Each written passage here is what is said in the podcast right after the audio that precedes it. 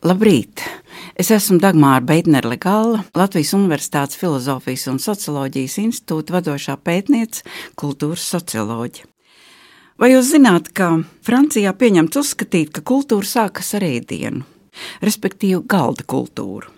Tās vēsture sākās ar Gijomu Torēlu, 14. gadsimts, kurš bija pazīstams ar iesaukumu Taivā. Viņš bija karaļa Kārļa V šefpavārs.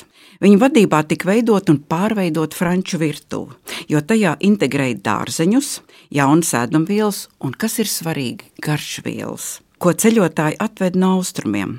Savā grāmatā Jandrīr viņš piedāvā jaunu gatavošanas mākslu, maiputnu un zivju ēdienu bagātināšanu ar mērcēm kuras pamatā ir saprāns, ingvērs, pipari un kanēlis. Šī grāmata padarīja viņu par pirmo kulinārijas rakstnieku.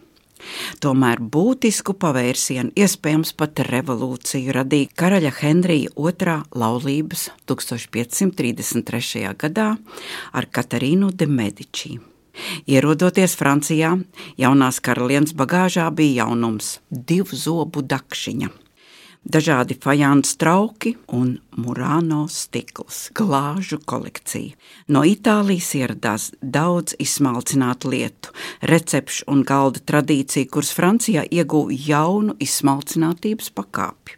Viņas valdīšanas laikā karaļa nama svētki iegūst rafinētību un kļūst par Francijas kulinārijas mākslas un galma dzīves pārākumu zīmolu.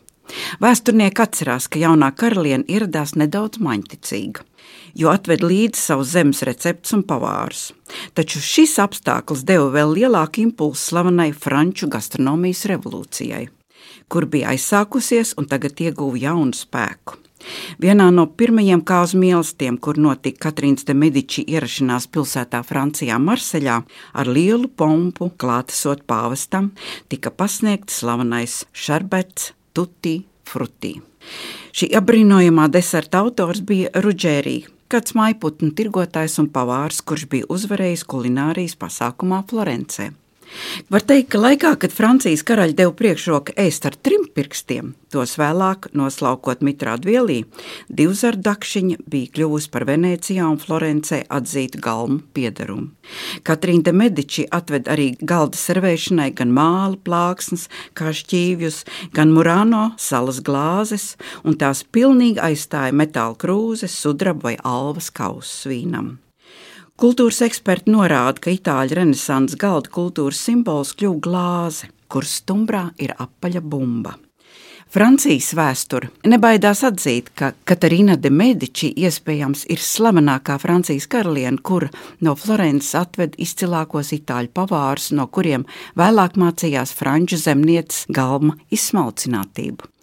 Pēdējās, balstoties priekšgājēju pieredzē un praksē, izstrādāja klasiskos ēdienus, kuri kulinārijas punktu pieredzē un praksē sasniedz izcilā Antonīna Karmē. Personā. Tādējādi francūži, būdami tikai skolēni kulinārijas mākslā, gala rezultātā pārspēja savus skolotājus un slaveno karalieni. Attīstoties drukāšanas kultūrai 16. gadsimtā, ēdienu gatavošanas pasaule turpina attīstīties. No Gutenberga grāmatu izdošanas brīža radās iespēja izplatīt receptes plašākā mērogā. Līdz no aprakstiem par ēšanu un ēdienu rodas gardēžu literatūra.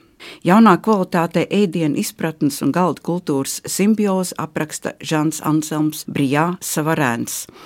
Tas ir jau 19. gadsimta sākums, Un pateicoties redakcijai Rīgas laiks, viņa grāmata ir tulkota arī latviešu valodā.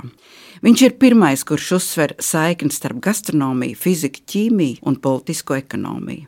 Viņa vārdā pat ir nosaukts viens no izcilākajiem savojas sieriem, tā godināt cilvēku, kurš jaunajos laikos nostiprināja Francijas ēšanas kultūras meditatīvo raksturu un ēdienam piešķīra transcendents garšas vērtību.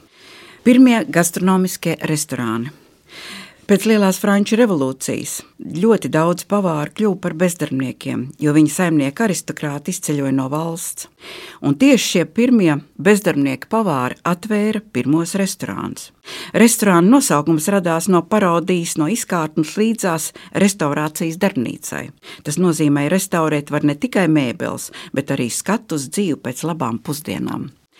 19. gadsimta sākumā vēl viens no gastronomijas līderiem ir jāmin Antonīns Karems, devēts arī par savu laiku pavāru karali. Viņš atvēra smalku restorānu un ieguva slavu ar ēdienu pasniegšanas kultūru. Tas tika pasniegts kā neparastas arhitektūras struktūras. Vēl viena dīvainība bija viņa uzvārds, karēm, franču valodā nozīmē gavēnis.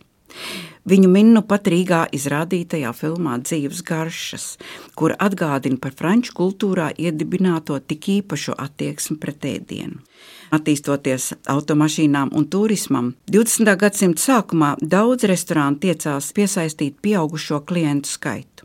Pirmais Michelin gardējuši ceļvedis tika izveidots jau 1900. gadā, Starpkara periodā virtuves mākslas virzītāji kļuva tādas personības pavāra mākslā kā Ferdinands Poā, kurš iedvesmoja šodien tādu zināmu pasaules slavu ieguvušu pavāru kā Paul Bocuse.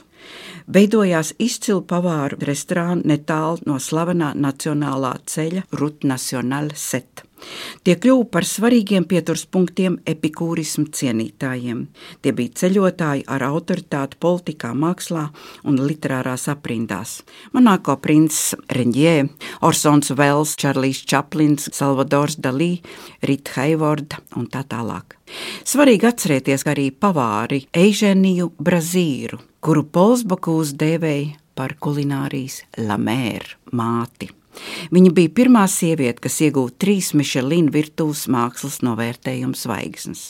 Lionā ir Pola Bakūza dibinātā kulinārijas akadēmija. Un es gribu iepriecināt klausītājus, jo Latvijā ir pārmantotas franču dzīves garšas mākslas zināšanas, jo Rīgā strādā viņa studenti.